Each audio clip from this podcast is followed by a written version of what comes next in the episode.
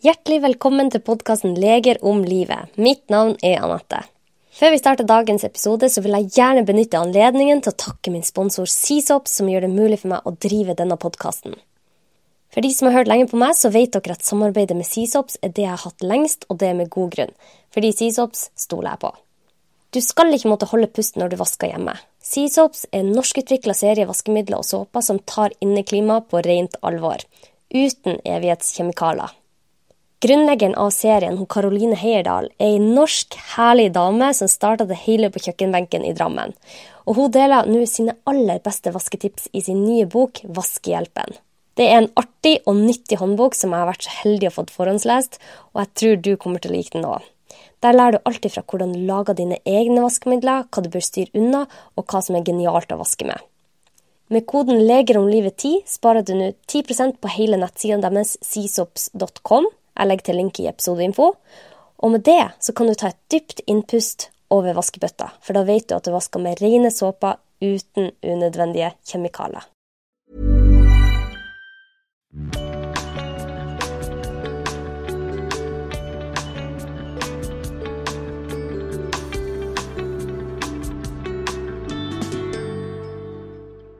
Hjertelig velkommen til podkasten Leger om livet. Mitt navn er Anette Dragland. Jeg er utdanna lege, og jeg har laga denne podkasten for å gjøre nyttig og god, ny og spennende kunnskap lett tilgjengelig for alle. I dag så skal vi ha med tema som jeg er kjempeinteressert i, og som dere har hørt dem snakke så vidt om tidligere. Og med meg har jeg øre-nese-hals-spesialist Håvard Løseth. Han er da spesialist i øre-nese-hals-sykdommer og avdelingssjef på Lovisenberg sykehus. Han opererer nærmere 300 neser årlig og er opptatt av å formidle hvor viktig nesen er for vår generelle helse. Hjertelig velkommen, Håvard. Tusen hjertelig takk. Det var vanskelig å finne deg. Var det? Ja, jeg leita, jeg leita lenge etter deg. Ja, jeg liker å skjule meg eh, innimellom, men jeg kommer litt mer og mer ut av skallet. Så eh, ja, og det er jeg så glad for, for du sitter med utrolig mye viktig og god kunnskap som jeg tenker jeg er så glad for at jeg får lov å videreformidle til eh, lytterne mine. Fordi at um, du er jo spesialist i øre, nese, hals, mm -hmm. og uh, kan veldig mye om hvordan nesen vår fungerer. Mm. Og det er det vi skal snakke om i dag. Vi skal snakke mm. om pust, og vi skal snakke om hvordan det har innvirkning på vår helse. Mm. Men først, hvorfor eh, ble du spesialist innenfor øre-nese-hals-sykdommer? Faren min er også lege, da. kirurg og gynekolog, og var veldig flink å operere. Og litt sånn praktisk anlagt. Laga det meste helt sjøl. Eh, jeg også har likt eh, å gjøre praktiske ting opp gjennom livet. Når jeg da begynte å studere medisin, kanskje litt mot det jeg fikk anbefalt, så visste jeg at jeg hadde lyst til å drive med noe praktisk. Og så sa far min at um, det var lurt å tenke seg nøye om når jeg skulle velge spesialitet, fordi han hadde jobba veldig mye opp igjennom. Eh, vakte omtrent hver dag eh, hele året og redda masse barn og, og, og, sånn opp igjennom. Slik at han eh, anbefalte meg veldig å, å um, tenke meg litt godt om, og kanskje prøve litt forskjellige ting, da. Så jeg har vært innom veldig mye forskjellig, men den så jeg prøvde jo både gyn og generellkirurgi og øre-nese-hals. da. Men den som virkelig fikk øynene opp for øre-nese-hals eh, for meg, det var en uh, lege i Tønsberg da jeg var student, som het Knut Sestøl. Okay. Han var en fantastisk, eller er en fantastisk person. Uh, og da jeg var student, så lot han meg få operere til og med småting når jeg var der, og ga meg en enorm inspirasjon. Og han var en sånn eller er, en veldig humørfylt og positiv bergenser, da, eh, som jeg syns virka som hadde det utrolig gøy på jobb. Ja. Og det var så variert og fin arbeidshverdag med alt fra traum, traumatologi og skade til eh, mer operasjoner av uh, svulster på halsen, f.eks. Mm. Så det syns jeg så veldig gøy ut, og han ble et forbilde for meg.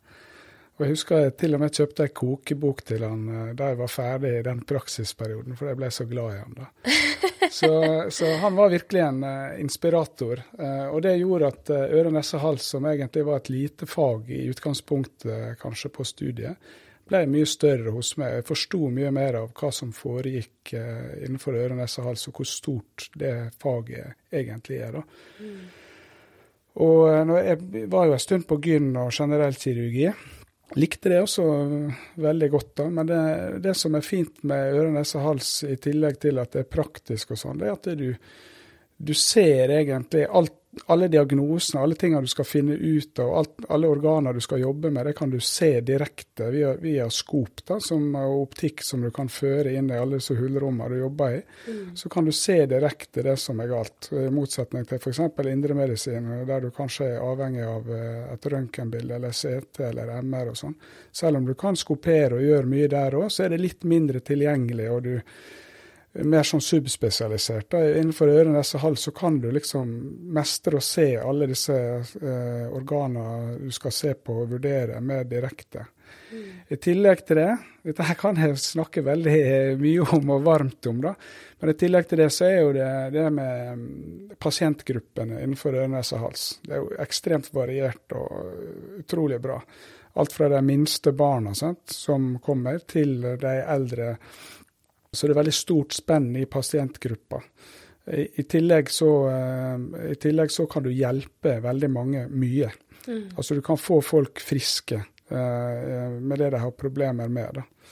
Uh, så det jeg husker da jeg var på medisin f.eks., og du kunne med all respekt til deg, men det er en del som hadde mer sånn kroniske hjertesykdommer og lungesykdommer, så du kunne titrere til å ha det litt bedre og, og hjelpe så de levde litt lenger osv. Det er kjempeflott det for de som liker det, men for meg er det litt mer tiltalende å på en måte fikse og bli ferdig på en måte med problemet. Altså, det er, litt hands on? Sånn, ja, hands on og litt mer konkret. Uh, ja, ja, ja.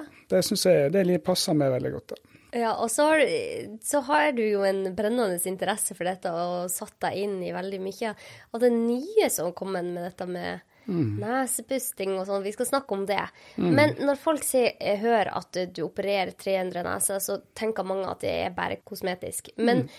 det er det jo ikke. Det er jo veldig mye annet man kan operere. Hvorfor skal man operere nesen? Hva er, det, hva er pasientgruppa her? Altså, det var en studie nå nylig fra Europeisk forening eh, innenfor nesekirurgi som utga en oversikt over indikasjon for nesekirurgi. Og Det viser seg at ca. 70-80 av de som opererer nesen, har et eh, kombinert eh, funksjonelt og kosmetisk eh, en kombinert funksjonell og kosmetisk indikasjon. Mm. Fordi at form og funksjon det henger veldig sammen. Det er ikke sånn at flyvingen er tilfeldig konstruert. Slik at hvis du har en nese som puster dårlig, som har f.eks. en stor hump langs neseryggen eller er skeiv eller noe sånt, så én ting er det kosmetiske problemer, som du ser, men veldig mange av de som har det, har også et funksjonelt problem. Fordi at du endrer på vinkler, du endrer på måten lufta går på. Og så er mennesker veldig eh, tilpassingsdyktige. Da. Og hvis du alltid har hatt en hump på nesa eller ei skeiv nese fordi du ble født eh, f.eks.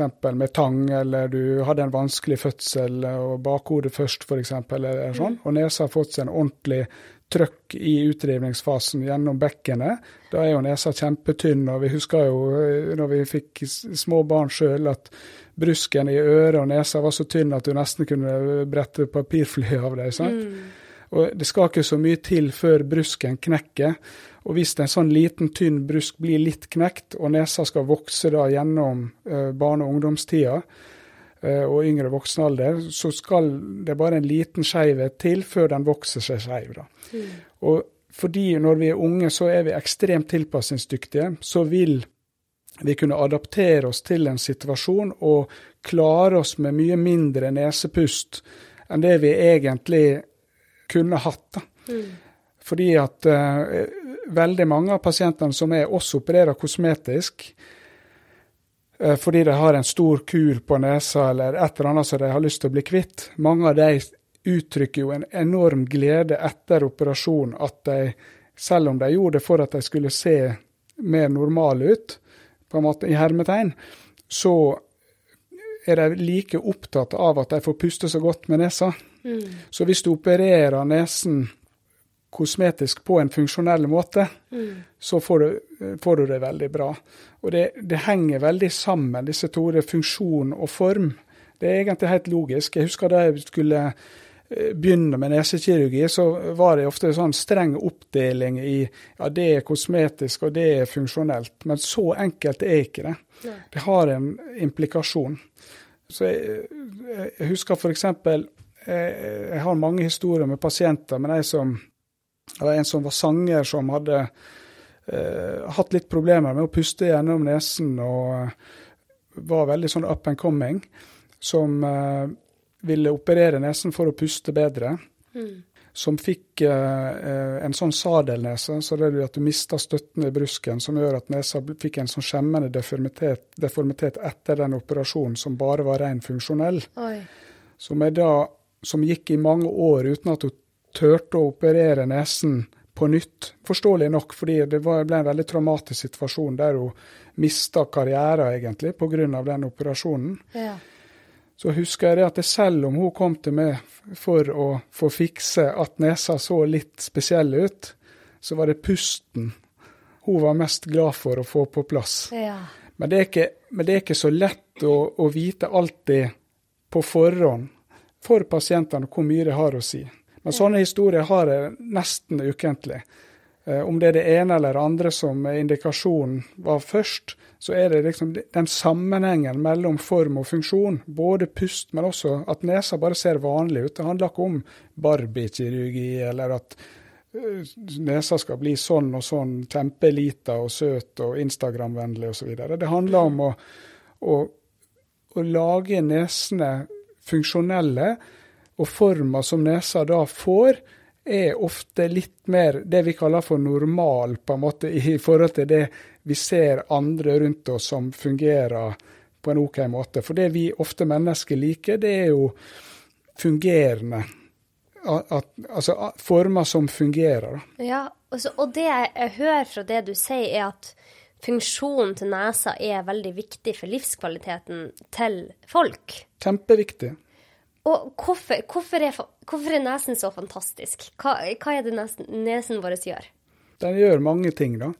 Men eh, det aller viktigste er jo at vi trekker inn luft. Sant? At eh, diafragma mellom eh, gulvsmusklene våre den lager jo et undertrykk, eh, slik at lungene våre trekker på en måte lufta inn. sant? Og så kommer lufta inn da i nesen først.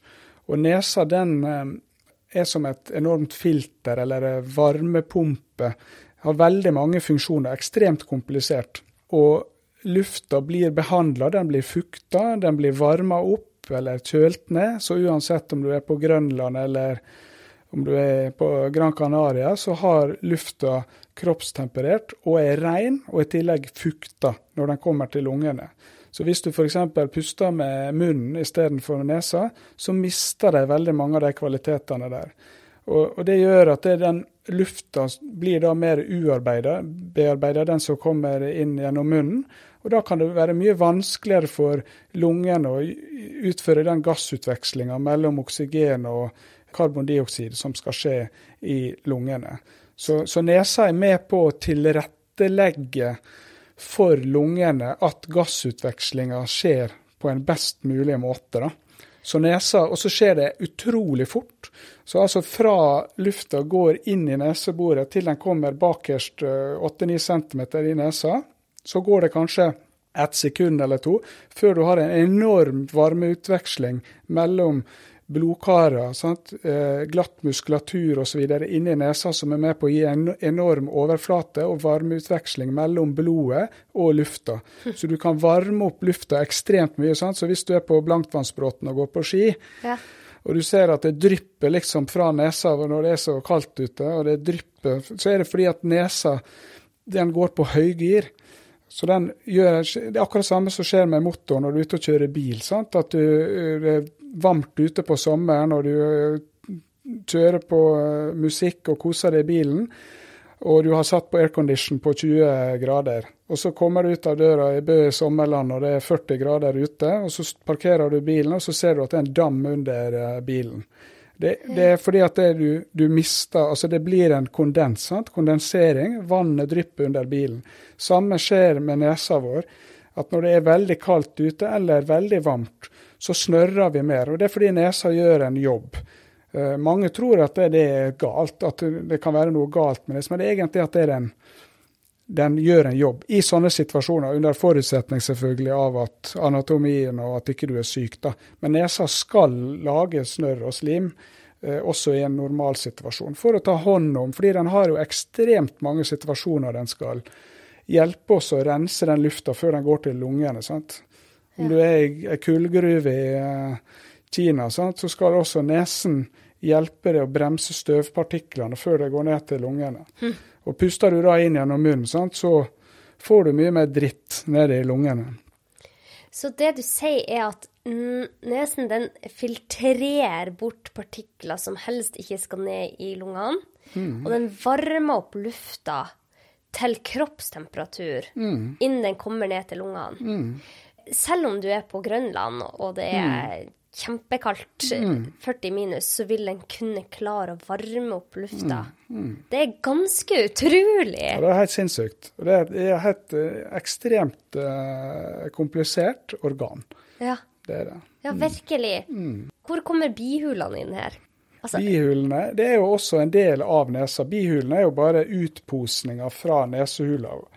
Og bihulene utvikles jo fra vi er barn til vi er voksne. Så bihulene er jo med på å også gjøre uh, varmeutveksling, nedkjøling, rensing. For det er det samme teppet som ligger inni nesa, det ligger også inne i bihulene. Og også nedover mot lungene. Sånn det er slimhinnene som ligger der.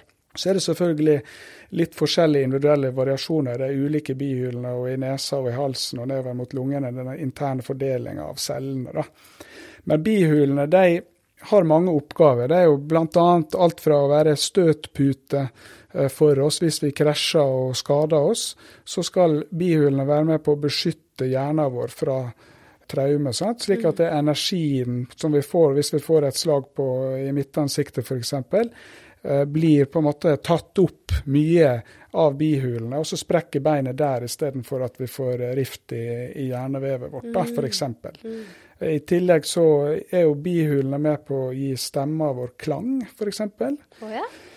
Sånn at eh, rommet på en måte som er inni bihulene Du har jo hørt om folk som er nasale eller ikke nasale ja, ja. osv. Og, og hvis bihulene er tette eller små, så får lyden mindre rom å bre seg ut i. sant? Og Da får du en annen klang på stemma di. Okay. Så for sangere er det kjempeviktig å være godt kjent med bihulene sine sant? Mm. og ta godt vare på dem, f.eks.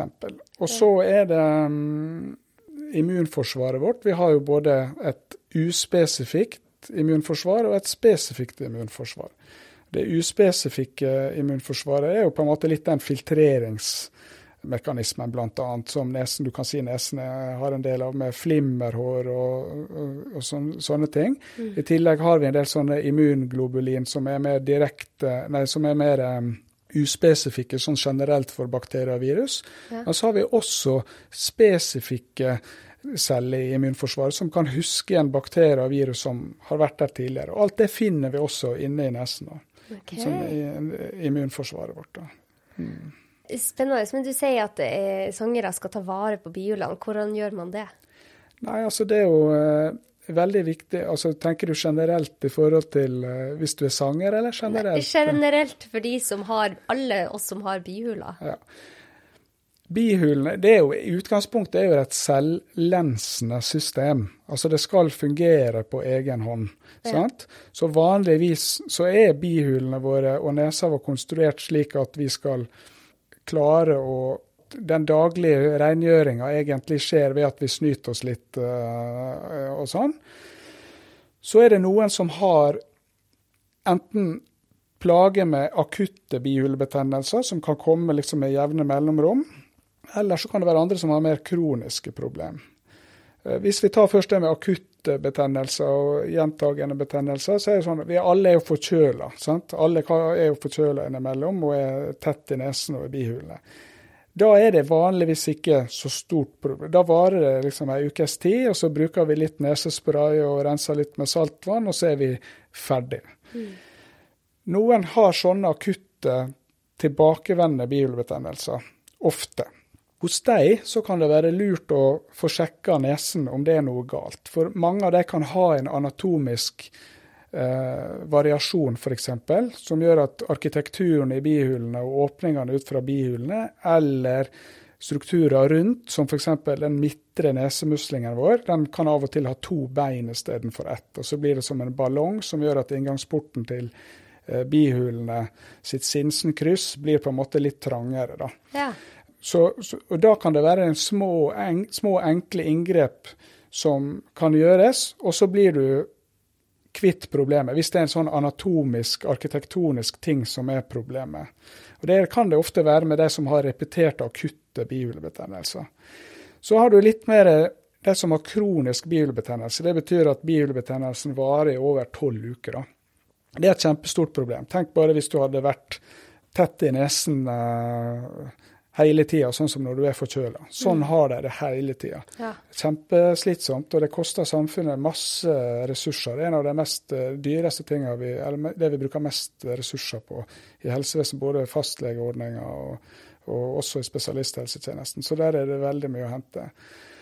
Men i hvert fall, det de skal gjøre for å ta vare på uh, bihulene bedre, det er for det første å rense Eh, bihulene med saltvann. Det er sånn kjedelig svar, men det er litt sånn som når du rengjør til jul, at hvis du har støvsuga rommet hver lørdag regelmessig eh, gjennom året, så er det mye lettere å gjøre eh, husvasken til jul. Mm. Og hvis du, hvis du skyller med saltvann f.eks. i bihulene dine, hvis du får til daglig, så er det kjempebra, men veldig mange kan slite med det. Så, hvis du får det til et par dager i uka, og rense med saltvann, da kan du bare lage saltvannet sjøl. Ta en liter lunka vann eh, i springen, og så en spiseskje med salt uten jod. Og, og, løse opp. Eh, og så kan du bruke et sånt neseskyllehorn. Neseskyllehorn det er sånn som du får kjøpt på apoteket, og som er flergangs. Og da kan du eh, rense og få vannet til å renne litt som ei kraftig elv da, med litt flom gjennom nesa og bihulene dine. Og Det er litt som å lære å sykle. da, At du, at du, du kjenner på en måte hvordan du må holde hodet, og hvordan du må trekke det inn på en måte for å, å få vannet rundt omkring i disse forskjellige krikkene og krokene som er der inne. Så hvis du gjør det regelmessig, så får du ut på en måte litt snørr og guffe som, som du, når du har et kronisk problem, er litt Bihulene er litt dårlige med å drenere, for disse små åpningene som egentlig er trange av en grunn, de skal jo Bihuleåpningene er trange, og det er av en grunn. Fordi at det skal dannes et vakuum sant, ut av bihulene. Hver gang du puster inn gjennom nesen, så trekker det, det undertrykket som den lufta du trekker inn, lager når det går forbi disse små hullene i bihulene, det er med på å trekke slimet på en måte, kan tenke det, ut av bihulene, sammen med disse små flimmerhåra i slimhinna som skal børste det ut. Mm -hmm. Men de som har da kronisk bihulebetennelse, f.eks., de, hos dem er slimhinna så hoven og irritert at de åpningene er blokka. Og Da vil den naturlige drenasjen, den cellensende eh, funksjonen som jeg snakka om i sted, den vil være kraftig redusert. Og Da vil det saltvannet, det at du regelmessig skyller med saltvann, det vil gjøre at slimet og disse kommer bort, og at disse åpningene er litt åpne. Det er det ene. Og det andre som de bør gjøre, de som har kronisk bihuleplage, det er å bruke noe som vi kaller for nasale steroider. Det er kortison nesespray, en lav dose, som ikke er noe skummelt å ta. Det er på resept, men det er mye mindre skummelt enn Otrivin f.eks. Så hvis de tar det, og hvis du da har rensa regelmessig med saltvann, og du bøyer hodet fremover, det er kjempeviktig, bøyer hodet fremover og sikter tuten på sprayen mot ytterveggen. Fordi da treffer sprayen ytterveggen inni nesa, mot øyet, på en måte. Ja. Der er det medisin skal virke. Hvis, hvis, du bare spruter vanlig inn i nesa, så går veldig mye av medisin bare rett på skilleveggen. Og der har ikke den noe effekt, eh, for der er det ingen dynamiske strukturer. Bihulen og dynam dynamikken foregår i, på utsida inni nesa. Og hvis du da har ei rein slimhinne etter at du har skylt, og du påfører den nasale steroidsprayen i ytterveggen i nesen, Ja. så vil disse eh, små åpningene ut fra bihulene få det mye bedre. Og medisinen får komme seg til inn i bihulene der sykdommen sitter. Og da kan man bli kvitt problemet? Nei, du får dempa det. Det er en symptomatisk behandling. Okay. Slik at det, det er en symptomatisk behandling. Og veldig mange blir veldig mye bedre med det. Så er det noen få som har kronisk bihulebetennelse som til tross for det der, enten fordi at compliance, altså etterlevelsen av behandlinga er redusert, men også fordi at det blir som å skvette vann på gåsa og gjennomføre de greiene der, så trenger de noe mer. Og da er det av og til at vi åpner opp bihulene. Da lager vi disse åpningene inn til bihulene litt større. Men jeg bruker å si til pasientene at hvis vi opererer bihulene dine, så får du sjelden ti av ti poeng. Fordi at en, du må betale en pris, fordi den vakuumeffekten, den selvlensende effekten, den blir litt borte når vi opererer bihulene. For hullene dine blir større, det blir mindre undertrykk. Og Det gjør at du må rense bihulene med saltvann mye mer regelmessig hvis du har operert. Ah. Men en ting som jeg glemte å nevne, det er at selve nesen også kan jo være skyld i bihulebetennelse. Slik at det er veldig lurt å sjekke at f.eks. skilleveggen din ikke er veldig skeiv. Fordi av og til kan det være skilleveggen som gjør at det er veldig trangt på ene sida. Og da kan en helt enkel neseskillevegsoperasjon gjør veldig mye for de med kronisk bihulebetennelse. Og det er ikke alltid at eller det er ikke sånn at du nødvendigvis kvitter deg med plagen, men det blir mye enklere å skylle, det blir mye lettere å få medisin på plass, og du puster mye lettere. Slik at det, det kan være en lette å få gjort en såpass enkel operasjon også, da. Den siste tingen jeg vil si om kronisk bihulebetennelse Nå tar jeg vel eh, litt mye plass her, kanskje. Det er kjempebra. Bare kom med all informasjonen Ja. du har. Det er rett og slett tennene våre. For tennene våre er veldig viktige eh, for oss. Både for å spise og at vi skal ha fine hvite tenner å se på, men, men også at vi tar vare på tennene våre også for bihulene våre sin skyld. Fordi at vi ser mange ganger at pasienter som har eh, hatt litt dårlig tannhelse, kan få problemer med bihulene. Og Det typiske er da en ensidig bihulebetennelse. F.eks. i kjevebihula på eh, venstre side. da, Så har du en dårlig jeksel med f.eks. rotfylt ei tann for noen år siden, og så har det summa og gått og ikke hatt noe særlig oppfølging, og så blir det en bihulebetennelse. Og de som har, har det, ofte, og kommer til oss, de har ofte gått veldig lenge med det før de får hjelp. Og noen kan til og med ha så vondt at uh, altså det er skikkelig tannpine, og tar en CT-bilde, og så uh, kan en tro at det er en svulst. og Det kan være litt sånn drama, fordi at svulst også er ofte arter seg i bihulene som en ensidig fortetning.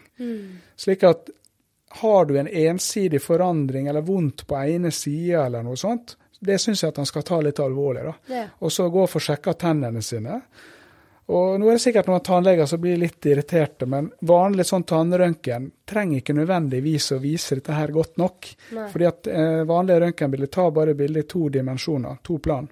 Så det er ikke alltid at du ser at det er en eh, tann som er forklaring til en uh, biolobetennelse, med mindre du tar set. Okay. Men nå finnes jo det litt mer moderne sånn CT for Cosmo hva som cone beam, eh, som er en sånn moderne CT-undersøkelse som mange tannleger benytter mer og mer, slik at du kan eh, fortere komme til bunns i dette her. da.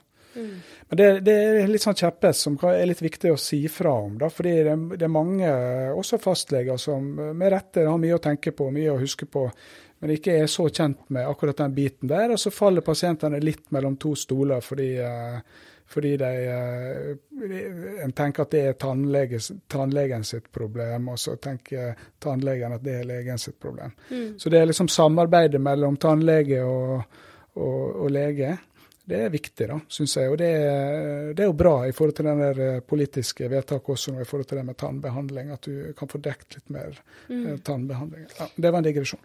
Men, men det du sier her, er veldig interessant. Og da tenker jeg, hvorfor er det så mange som sliter med bihulene? Er det noe med Altså, vi er jo ikke skapt for å få sykdommer og problemer. Har inneklima noe å gjøre? Har utelufta noe å gjøre? Er det måten vi har utvikla ansiktsstrukturen, har det noe å si?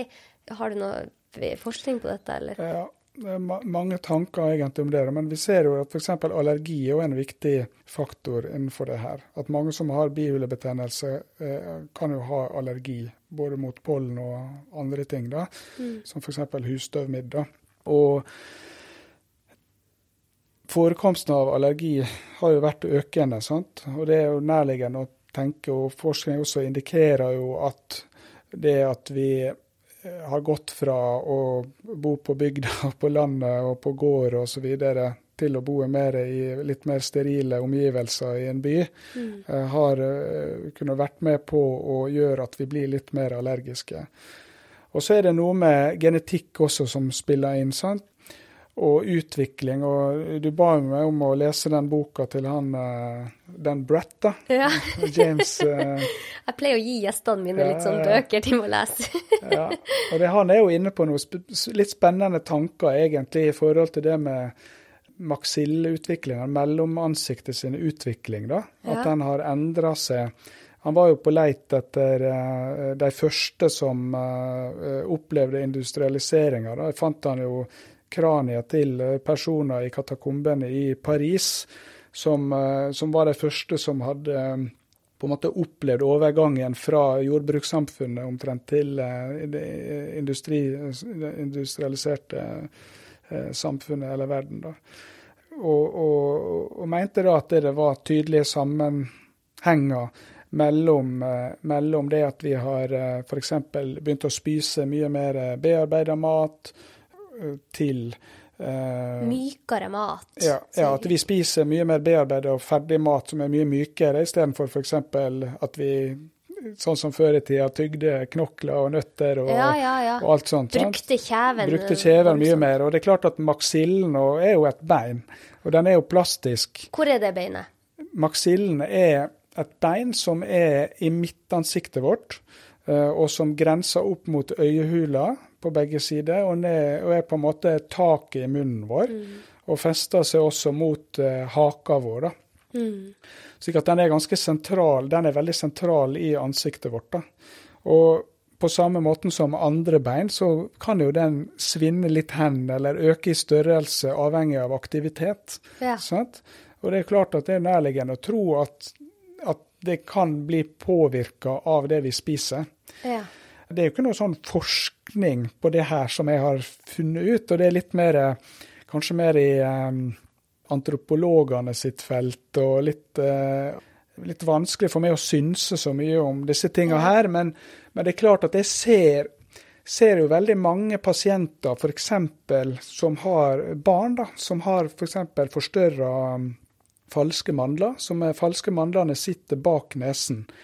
Og hvis de er store som barn, så blokkerer de pusten i nesen. Så blir det sånn snørrunger, da, som vi kalte det før i tida. Sant? At det renner hele tida snørr ut gjennom neseboret, og de sitter med åpen munn. Ja. Og de, hos de barna så får de veldig Det er et sånn typisk utseende med at de har litt skygge på en måte under øynene der maksillen på en måte egentlig skulle vært litt lenger frem. Der blir det litt skygge fordi huden blir ikke løfta nok ut. I tillegg så blir haka eh, litt tilbake mm. Altså den blir litt retrahert, den går litt tilbake igjen. Og så får de ofte litt sånn høy bue i ganen, som gjør at nesa også blir litt trangere. Mm. Slik at mange av de som Hvis vi da opererer de falske mandlene på dem, så vil nesepusten normaliseres ganske fort. Og så ser vi at disse forandringene her kommer på plass gradvis fremover, når vi følger dem. Så det er veldig interessant. Og så ser vi også de som ikke har operert falske mandler som barn. Når de da er voksne, så kan de ha en del nesedeformiteter. Haka kan være veldig lite og kort og tilbaketrukket, som også kan gi en del komplekser i seg sjøl. Men, men, men, særlig nesa da, vil du kunne ha en del problemer med, også hvis du ikke gjør noe med det her som barn. De kaller det adenoid face eller noe sånt. Og, mm. og, og dette du sier her, eh, Håvard, er veldig, veldig interessant, og sikkert nytt for de fleste som hører på. At hvordan du puster, om du kan puste med nesen eller ikke, og hvordan du tygger, kanskje, det vet vi jo ikke ennå, men hvordan maten man blir eksponert for fra tidlig alder, kan påvirke hvordan ansiktsstrukturen din blir utvikla gjennom barndommen og opp i voksen alder. Mm. Og dette er skikkelig, skikkelig spennende. Ja, det er veldig spennende. Eh, og, og det, jeg, tenker jo mye på det med mine barn, for at jeg har Mm. lest om det i mange mange år. Men eh, jeg gir de rå gulrøtter så de skal tygge litt og sånn. For, for det er veldig lett at våre barn, fra de er liten, begynner med most mat. Trenger ikke å spise noe som er hardt, til de blir voksen, nærmest. For at det vi liker nå i vårt samfunn, er myke ting som kanskje har litt knas, men ikke noe som man må virkelig slite med å tygge. Og vi liker smoothie, vi liker avokado, alt dette myke myke greier.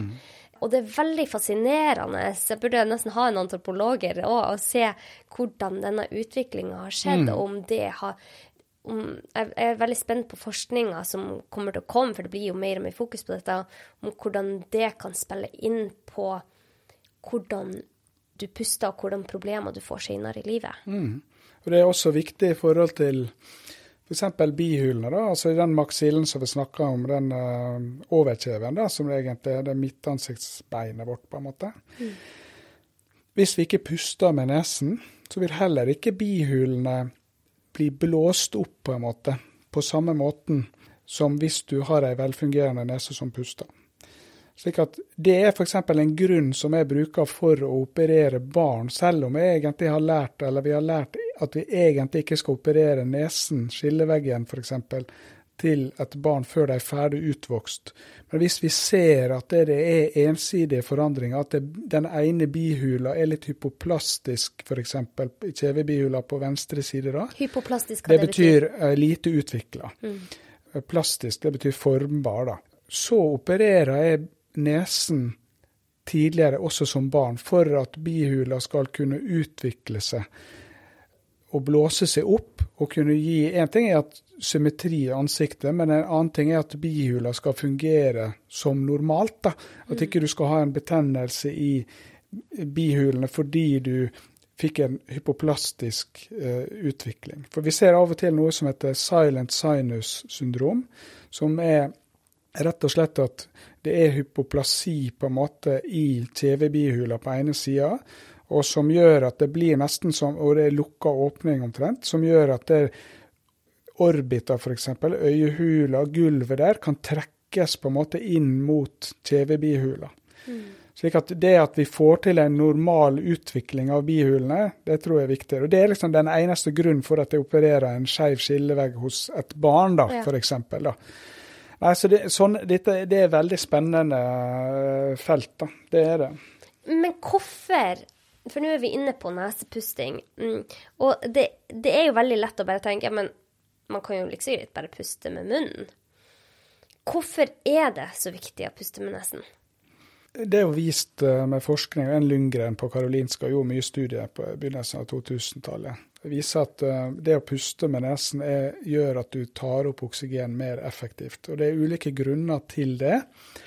Både rent mekanisk, at lufta du trekker inn i nesen Jeg har faktisk vist ved luftstrømundersøkelse at, at luftstrømmen som går inn gjennom venstre nesebor på det og det stedet, treffer det og det stedet i venstre lunge. Akkurat der det og det stedet. Tenk Så det har en helt sånn spesifikk reiserute da, når det går inn i nesa. Du, så der får du SAS-flyet på første klasse hele veien ned i enden. Ja. Trekker du lufta inn gjennom munnen, så er det litt mer aeroflot. Da er det på en måte turbulens. sant?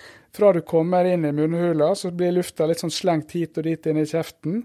Og går bak i halsen, slimhinna blir påvirka, det blir et hevelse, ødem. Det blir rett og slett turbulens hele veien ned mot lungene. Og når først da lufta kommer til lungene, hvis den kommer fra nesa, så har den også fått med seg nitrogenoksid. Nitrogenoksid er jo en sånn en gass på en måte som blir dannet i en forbrenningsreaksjon i bihulene våre og, og blir med lufta ned. Og Det er en vasodilator, da, så den på en måte utvider litt blodkarene. Og det skal jo skje en gassutveksling mellom lufta i lungene og blodkarer som kommer fra hjertet opp mot, opp mot lungene. Da. Og nitrogenoksid er jo med på å øke opptaket av oksygen. Selv om det er samme mengde luft som kommer inn gjennom munnen som gjennom nesen, så er kvaliteten på opptaket høyere når det kommer fra nesa. Det dette, viste han Lundgren. Dette må vi eh, bare Jeg må ja. bare bremse deg, for dette er så viktig, det du sier nå. Jeg snakka meg litt bort det nå om det med, med munnen og nesen, da. Ja. Jeg, jeg, var ikke helt ferdig der, men det kan vi ta senere, kanskje. OK, ta det, så skal jeg komme tilbake til nitrogenoksid. Ja. Nei, så lufta blir mer styrt og retningsbestemt gjennom nesa enn den blir gjennom munnen. Da går den mer hulter i bulter. I tillegg så er det det jeg snakka om i immunforsvaret og filtrering. At den lufta som går inn gjennom nesa, den er ordentlig bearbeida og fin, og forseggjort og temperert. I, uh, gjennom munnen så er ikke det i nærheten. Der er ikke noe filter. Det gir litt det gir kroppsvarme fra slimene i munnhula og i halsen som øker temperaturen noe, men ikke i nærheten av det som er i nesa. Og Det gjør at det vi hoster mye mer f.eks. når vi puster med munnen, enn når vi puster med nesen. Så mange som har astma f.eks., kan ofte et problem også i nesen. Og det kan være litt fordi at det drypper fra nesen ned i lungene. Det kan av og til være sånn postnasalt drypp. Men det kan også være fordi du puster veldig mye med munnen. Og det gjør at du har mye dårligere kvalitet på lufta, som gjør at du uh, får uh, hoste mye lettere enn hvis du hadde brukt nesen. Så å, hvis du har astma, så er det veldig viktig å sjekke nesen. Så nesen er utrolig viktig for oss. Mm. Og det du sier om nitrogenoksid, syns jeg er skikkelig skikkelig spennende. Så vi må bare gå tilbake til det, sånn at mm. alle forstår det, de som mm. hører på. Mm. Når du puster gjennom nesen Jeg tipper at du òg produseres nitrogenoksid når du puster inn gjennom munnen, men du vil jo ikke dra med deg. Den nitrogenoksiden ned i lungene når du puster med munnen. Mm. Så du puster inn gjennom nesen. Du produserer noe som heter nitrogenoksid, som også blir dratt med lufta ned i lungene. Og dette er et stoff, et kjemisk stoff, kan vi si, mm. som gjør at det utvider Det kan utvide bronkiene, eh, det utvider luftveiene. Mm. Det, utvider, det gjør også opptaket til oksygen som skal inn i kroppen, lettere. Det mm. gjør oksygenet på en måte lettere tilgjengelig da. Mm. Sånn at kroppen klarer å ta inn mer oksygen. Ja. Og, og skille ut av CO2. Mm. Og dette Hvorfor snakker vi ikke mer om dette, Håvard? For dette, dette er jo kjempe, kjempeviktig informasjon. Jeg husker første gangen jeg leste om nitrogenoksid. Det var i en bok på Universitetet i Oslo som heter Klinisk biokjemi. Ja. Der sto det om nitrogenoksid, at dette her var uh, viktig osv., men det måtte forskes mye mer på. og, og, der er det litt, da. Altså, jeg tror Når var det? Det var i uh, 19... Nei, 2000 og 2000, tror jeg. 2000. Ja, så nå er vi her 23 år ja, etter. Ja. Og nei, altså, dette er jo litt utenfor det jeg egentlig driver med. Dette er jo egentlig fysiologer på universitetet som kan mest om, og som forsker mest på. Jeg tenker det, Du får nok mye bedre svar hvis du spør dem om bakgrunnen. Men et, personlig så tror hvis jeg skal synse litt om det, så tror jeg at det er mange av de som for å forstå nesen godt, da, og hvordan den fungerer, så tror jeg du må jobbe veldig mye med den. Mm. Uh, og hvis du jobber veldig mye med den, så må du ha veldig mange pasienter. Og hvis du har veldig mange pasienter, så har du ikke så veldig mye mer tid igjen til å sette i gang forskningsprosjekt på mm. basalfag. Mm. Slik at det å knytte fellesskap mellom f.eks. klinikere og basalfagforskere, mm. det er veldig spennende. Og det tror jeg, Der tror jeg det må være en slags synergi der, mm. der en kan dra nytte av hverandre sin kunnskap og erfaring. Så tror jeg en kan få noen spennende resultater. Mm. Men det er også ekstremt komplekst. sant? Altså Nitrogenoksid det er jo, det er jo ikke bare i nesa og lungene. Den, den er jo kjempeviktig for, uh, for nyrene våre, f.eks. For, eksempel, for autoregulering av nyrene våre at hvis blodtrykket, systolisk blodtrykk er høyt, for høyt for nyrene våre, så vil nitrogenoksid føre til en dilatasjon av blodkaret, som gjør at, Utviding. utviding, som gjør at, uh, at de bremses, blodtrykket dempes, slik at det- nyrene våre ikke blir skada. Og så er jo det Viagra er jo velkjent. Så, så det er veldig mange effekter brukes eh, av det nitrogenoksid Ja. som er på en måte effekten som gjør at alle blir glad. Ja, dette er, dette er så interessant. Og så har jeg òg lest at nitrogenoksid kan eh, spille en rolle på immunforsvaret. Og at det gjør det lettere å ta bakterier, og virus og Så nitrogenoksid det kommer vi til å høre om mye mer framover. Det er jeg hellig overbevist om. Mm, Et innspill der i forhold til det er jo at dette blir jo litt synsing, men det må jo forskes mer på. Men Ja. det i forhold til sirkulasjon og infeksjon, det er en veldig, veldig, veldig viktig sammenheng. For hvis jeg ser f.eks. på neseoperasjoner, da, så er nesen så ekstremt godt sirkulert at der er det ekstremt lite infeksjoner. Mens hvis du opererer f.eks. et annet sted på kroppen, så er det som, som ikke har like god blodsirkulasjon, så er det oftere infeksjon. Og det ser jeg også. Reoperasjoner, som jeg, jeg jeg tror halvparten av operasjonene mine er reoperasjoner. Og De som har vært operert før, de har litt dårligere blodsirkulasjon. Og de er litt mer utsatt for infeksjon. Så det at nitrogenoksid gir bedre blodtilstrømning, og i kanskje riktig trykk, det gjør at, nei, at infeksjonstendensen også kanskje går litt ned pga. det. Jeg vet ikke. Dette blir jo litt sånn synsing, da. Men, men jeg tror det, det, det er veldig mange spennende fysiologiske mekanismer som, eh, som kan dykkes eh, med nedi. da. Ja, du er jo inne på noe som er veldig viktig, da. For eh, hvis det kan ha en forskjell. Og så bare driver jeg og tenker på Nå har ikke jeg klart å funne de tallene, men det er veldig, veldig mange av oss som puster med munnen på natta. Det, det er sånn at kjeven faller bakover, og det, du hører det ofte begynner de snorke. Ofte kan du merke hvis du puster med munnen på natta, så våkner du og er tørr i munnen. Og da bare tenker jeg hva, hva gjør det med oss, at vi puster så mye med munnen? Jeg, er jo begynt å legge merke til når jeg går på gata, så ser jeg folk går og puster med munnen. Og jeg bare tenker jeg har lyst til å bare gå og lukke den munnen. hva, hva som skjer med oss når vi driver og puster så mye med munnen? spørs litt hvordan du tenker på det, men hvis du puster med munnen, så én ting er de direkte konsekvensene, at du får dårligere luft til lungene. Lungene må kan si, jobbe litt mer for å få oksygenet ut av det. Du må bruke litt mer aksessorisk muskulatur. Det er litt mer slitsomt å sove om natta hvis du puster gjennom munnen enn hvis du puster gjennom nesa. Så du får en mye mer ro, på en måte, kan du tenke deg, i kroppen hvis du puster med nesen. Altså det, det krever mindre energi å puste gjennom nesen enn å puste gjennom munnen. Det betyr at du blir mer, eh, kan tenke deg litt mer opplagt uh, om morgenen. Sant? Hos noen så vil den munnpustinga, i tillegg til snorking, føre til at du stopper å puste. Da har du en sånn såkalt pustepausesyndrom, eller søvnapné. da.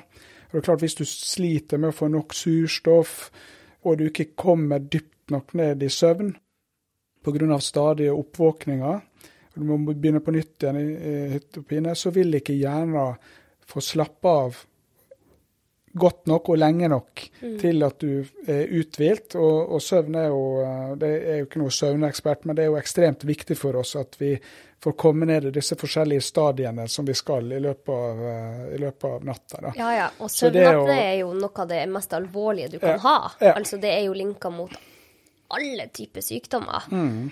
Så Og så er det jo litt uh, interessant dette med han James Nestor som du nevnte, han journalisten som har skrevet boka 'Breath'.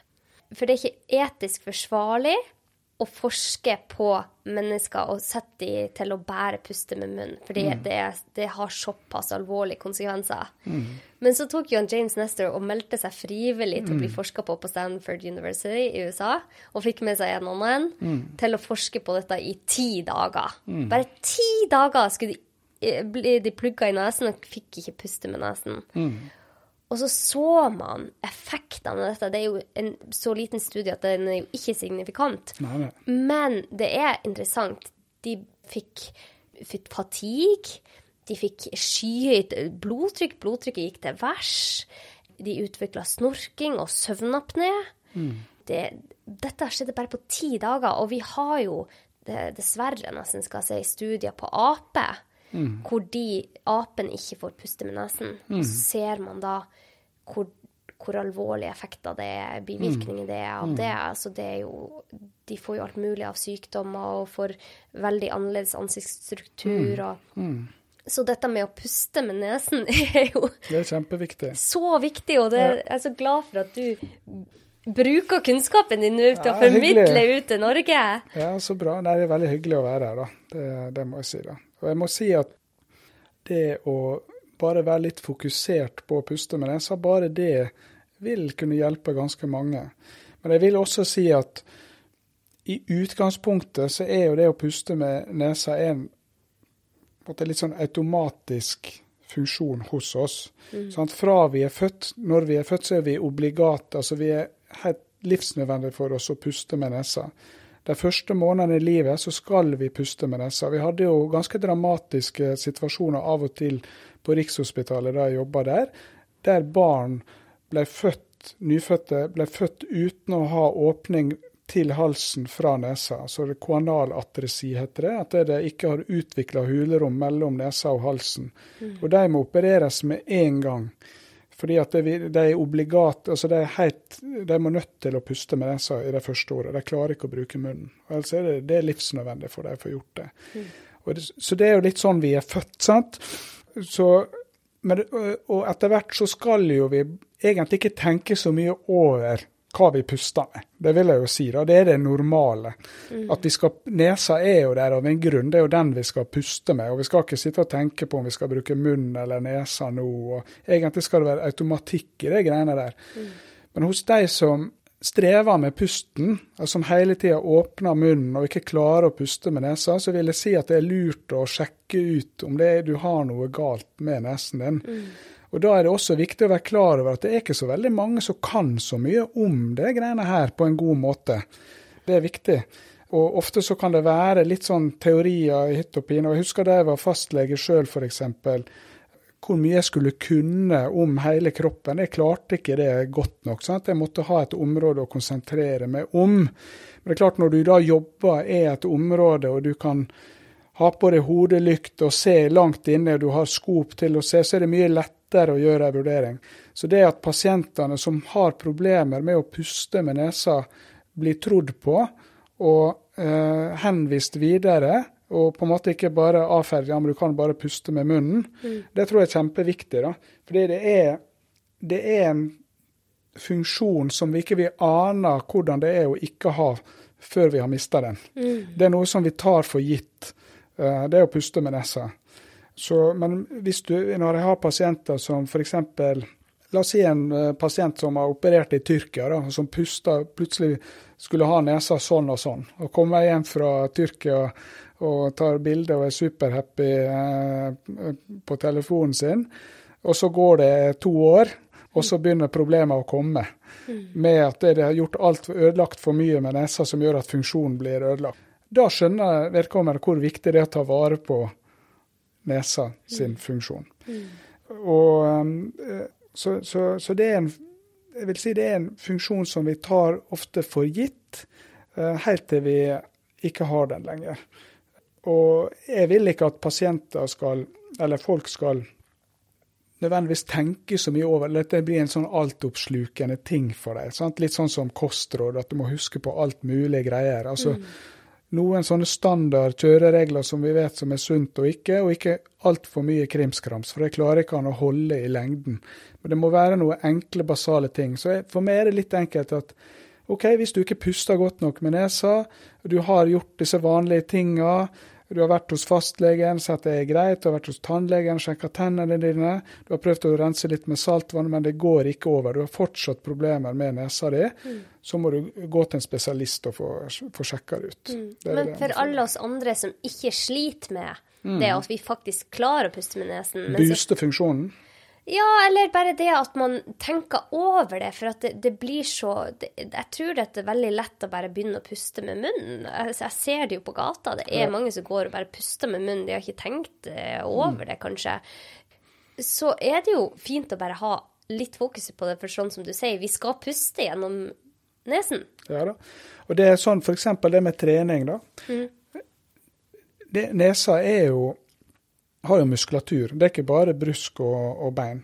Og den muskulaturen som Vi har jo en muskel som heter musculus eh, levator lavi eh, superiores alequinasi. Den lengste muskelnavnet vi har i kroppen. Wow, jeg er den går til, imponert. ja, jeg er imponert sjøl, at jeg husker den. Men i hvert fall den går fra, fra maksillebeinet da, og så ned til leppa og nesevingen vår. Men den vinkelen, eller aksen som den jobber over, den endres jo med åra ettersom vi eldes òg. Slik at muskelfunksjonen tapes jo litt. Og den eh, nesa er ikke bare oppbygd av brusk og bein. Den er også oppbygd av hud, muskulatur, slimhinne og fett osv. Og, så og alle disse tingene også er jo med på å gi funksjon til nesa.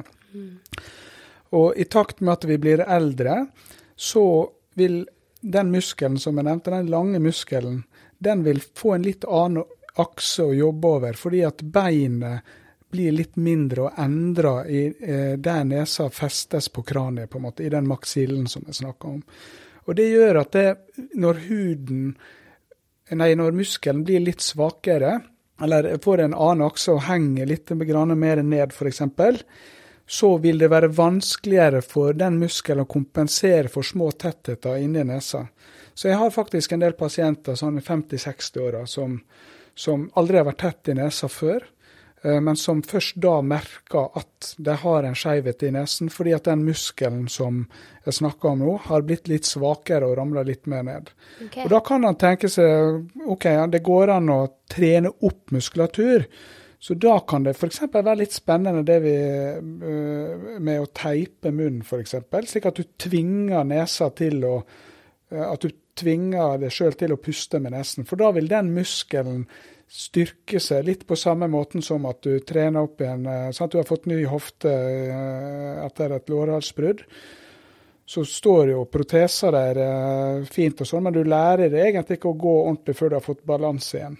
Og litt samme med, med, med pusten i nesa her, at det du, du på en måte du er disse små taktile, små forandringene, nyansene i nervesystemet som går til eh, både disse afferente og eh, efferente signaler i nervesystemet som påvirker muskulaturen til slutt, som vil kunne gi utspillinger av nesevingene og gjøre deg litt kraftigere på sikt når du trener muskulaturen. Da. Så det, det, det syns jeg er kjempespennende. da. Ja, dette er utrolig spennende. Mm. Det er veldig spennende. Og når du sier teiping av munnen, så tenker folk oi, shit, gaffateip, og det her høres helt forferdelig ut.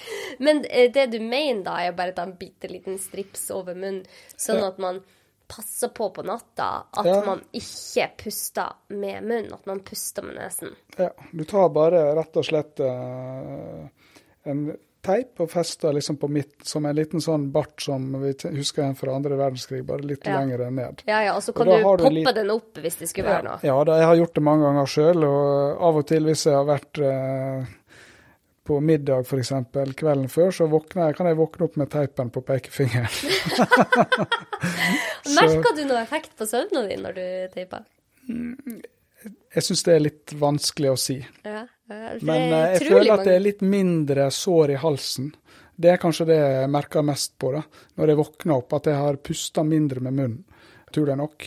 Ja. Så, men jeg har flere som har sagt til meg at de gjør det, og, og er glad for å gjøre det. da. Men jeg tenker det, det aller viktigste hvis du skal teipe munnen, da, det å vite bare at nesa di fungerer sånn som den skal. For litt Ja. tilbake til det jeg sa i sted, egentlig så skal jo vi puste med nesa. Mm. Og hvis det er sånn at du ikke puster med nesa om natta, så kan det være fordi at du har et problem med den. Mm. Og så er vi så tilpasningsdyktige, som jeg nevnte også tidligere, at det, vi venner oss til å bruke munnen. Mm. Og da kan det være lurt å bare sjekke det før du, før du eh, begynner med å teipe. Ja. Men det er ikke Du noe skal farlig. ikke føle at du kveles. Liksom. Nei, nei, nei. nei, nei. Og du, og du, men det er ikke noe sånn farlig i å ta en liten teip midt på. Nei, nei, nei, nei. nei, det er ikke det. Men det er fascinerende det du sier, at man kan trene opp muskulaturen. Man trener opp, man får utvida sannsynligvis eh, og luftveien, og at nesen kan bli mer eh, funksjonell, da. Mm. Mm. Det er veldig artig. Så eh, jeg har jo fått utrolig mange tilbakemeldinger fra folk som merker at de får bedre søvn av å teipe. Mm. Så det er jo sannsynligvis de som bruker munnen mye på natta. Mm. Eh, for det man vet òg, er at når man puster på natta med munnen, så får man, kan man få økt blodtrykk. Mm. Og det er jo ikke noe vi er særlig interessert i. Nei, nei, nei. Det er akkurat det. Og det, du har det mye bedre eh, når du puster med nesa om natta. Mm. Det, det er ikke tvil om. Og du må bruke mye mer aksessorisk muskulatur, som sagt. Og det er liksom som en treningsøkt, egentlig, å sove. da, sant? Ja, det blir? Du blir, støttemuskulatur. ja, du, blir slit, du blir litt mer sliten av å sove. da. Altså Mm. Du bruker mer kalorier på søvnen din enn det du egentlig hadde trengt. da. Ja, så får du ikke like godt opptak av eh, oksygen som Nei. hvis du puster gjennom nesen. nei. nei Eh, det, jeg er så glad, Håvard, for at du bruker denne kunnskapen og deler den. Og jeg syns dette er bare kjempe, kjempespennende. det er så hyggelig. Eh, skal vi se, har vi gått gjennom alle spørsmålene jeg har tenkt på? Ja. ja. Og så eh, Det var en ting du sa i stad, eh, Håvard, som jeg tenkte at jeg, jeg måtte huske på å spørre deg om. Og Du nevnte at Otorivin ikke var så bra, og det er jo veldig vanlig å bruke. Jeg har jo, jeg har jo en kollega som bruker det hver eneste dag, og har brukt det i mange år. Hva, hvorfor er ikke det heldig med å bruke sånn nesespray for å åpne opp?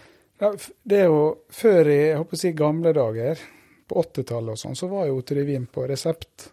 Sant? Men det som er problemet når at medisin på en måte går fra å være på resept til ikke, er jo bl.a. at både markedsføring og sånn, og, og, og skadevirkninger ikke kommer alltid like tydelig frem.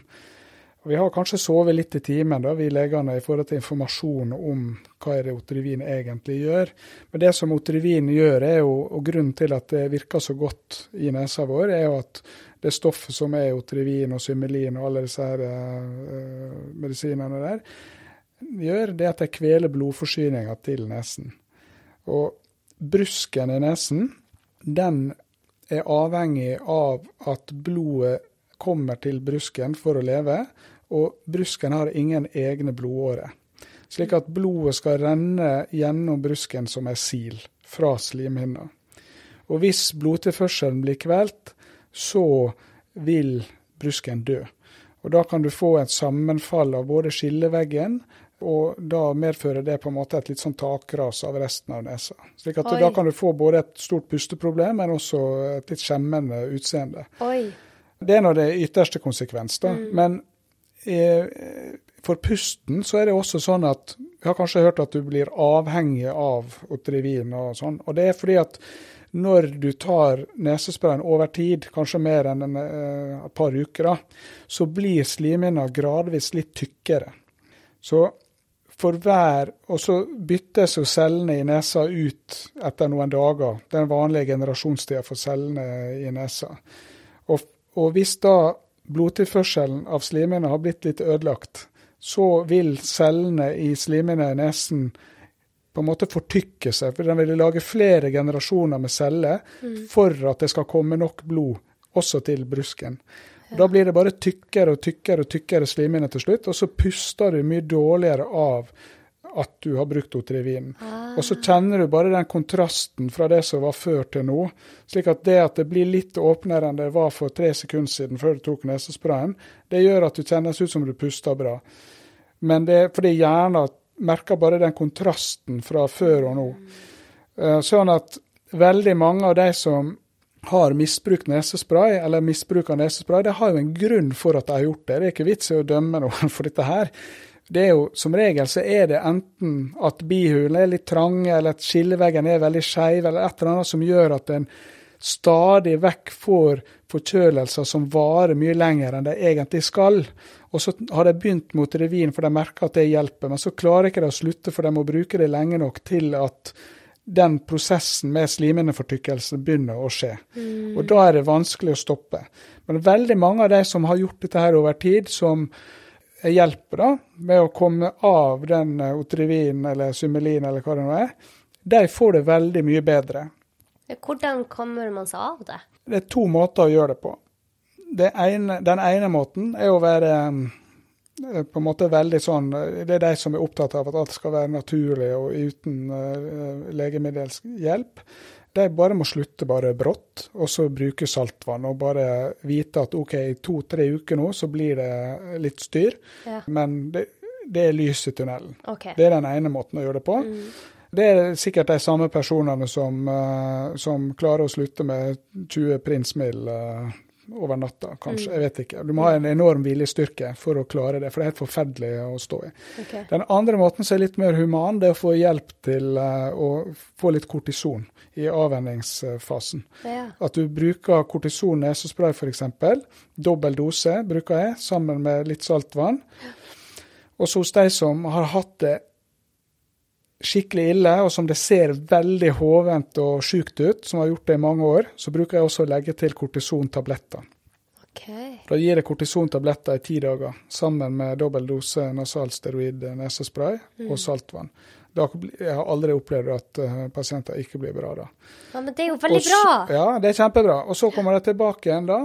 Og da går det an å gjøre diagnostikk om det er noe som var utløsende årsak til at jeg begynte med det i utgangspunktet. Og da må man tenke på alt fra allergi til eh, strukturelle forandringer i nese og bihule som eventuelt kan gjøres en operasjon av hvis det er sånn, da. Mm. Så, så det er absolutt håp. Men det som er veldig viktig, det er at, at folk skjønner hvor skadelig det er. Så er det Det tror jeg de skjønner når du sier det på den måten. Ja, ja, jeg håper det. Eh, Mange, mange kan jo bli litt skremt når de sier det, men jeg har funnet at det er den lureste måten å, å gjøre det på. Det er klart jeg overdramatiserer litt, men det er hos de pasientene som, som har en sånn sadelnese, og som er litt sånn skamfull, eller har et hull i skilleveggen som blør og blør og blør pga. dette her, så er det veldig sånn altoppslukende, plagsomme ting som, som gjør at du får ganske kraftig redusert livskvalitet. altså. ja, ja, ja. Ja. Det er klart, det. Så, så det, det å klare å stoppe i tide er veldig lurt. OK, altså da, da har vi i hvert fall snakka om det. Jeg tror at veldig mange som hører på denne episoden, kommer til å tenke at oi, i dag lærte jeg mye nytt. er det noe vi har glemt å ta opp som du tenker at du har lyst til å si før vi legger på for dagen? Jeg tenker røyking. Det er jo ikke så mye problemer i Norge nå med røyking. Men eh, jeg husker du spurte meg tidligere om, eller i eh, forslag til spørsmål til programmet her, i forhold til hva jeg som øre-, nese-, halslege syns var viktig for folket i et folkehelseperspektiv. Det er klart at For luftveiene våre så er det med røyking veldig viktig. At vi fortsatt holder litt fokus på at det er ikke bra for oss å røyke. For det er klart at det med det at vi bytter ut oksygen med CO istedenfor, sant? Det, det, det gjør jo noe med hele oss. Og det gjør noe med huden vår, det gjør noe med, alle, med lungene våre, alle organ. Sant? Så det er såpass Pusten er så viktig for oss at vi må ta vare på, på både pusteapparat, men også det vi drar inn, da, slik at kroppen vår har det best mulig. Det er liksom, så, så det å unngå å røyke syns jeg er kjempeviktig. Og så syns jeg også at, eh, at eh, det er veldig viktig med eh, å være snill med nesen. Så hvis vi er ute når det er kaldt, f.eks., veldig kaldt eller veldig varmt og masse sol, husk på at du bruker solkrem. Sant? For én ting er at du unngår hudkreft, men en annen ting er at nesa også har det lettere hvis den slipper å måtte håndtere den direkte temperaturen så mye. sant? Samme også i kulde. at det vi drar inn i nesa Ofte har vi, kan, kan vi kjenne liksom at vi får vondt i bihulene når vi drar inn veldig kald luft. Hvis vi tenker at ah, vi skal være litt snillere med nesen i dag når jeg går til kikkut, og så tar jeg på meg en bøff, og så puster jeg litt varmere luft inn gjennom nesa, så blir det litt lettere for nesen min å gjøre jobben i dag, f.eks.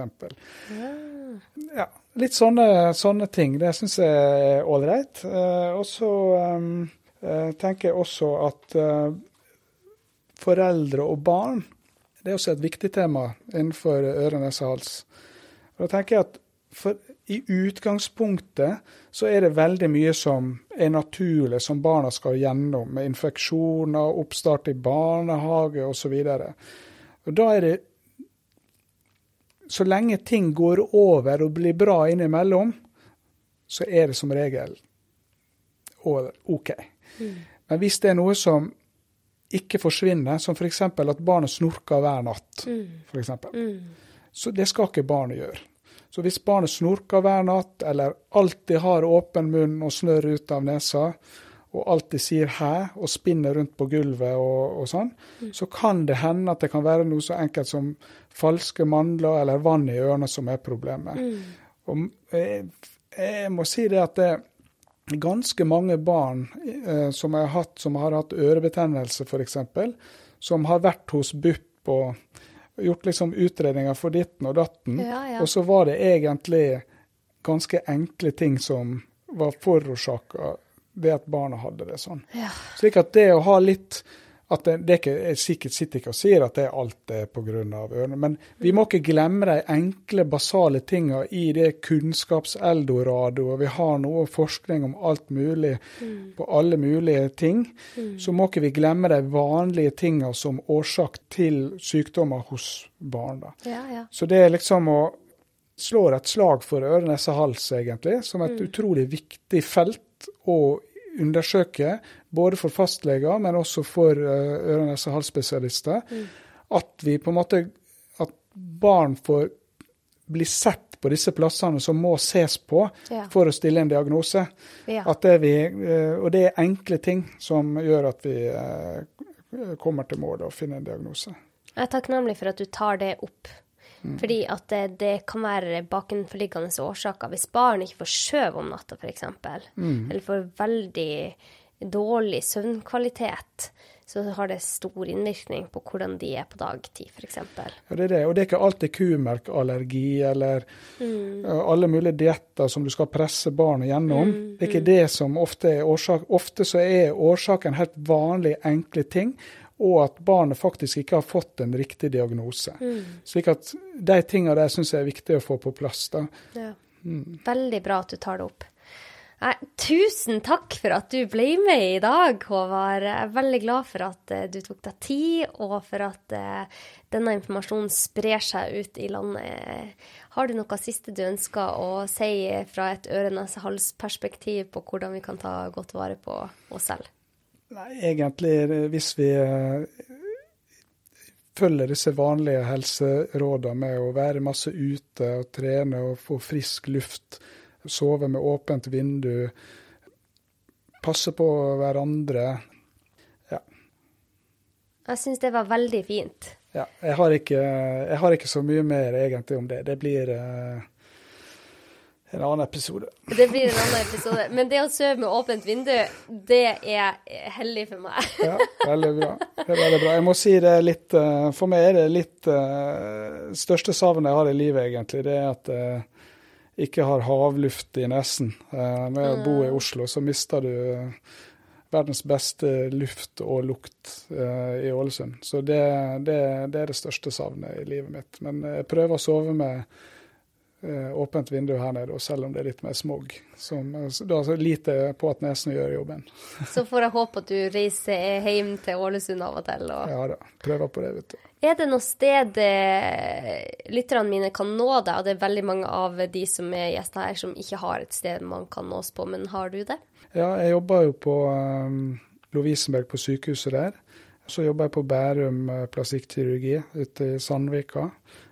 Så det er bare å ta kontakt uh, begge steder, egentlig.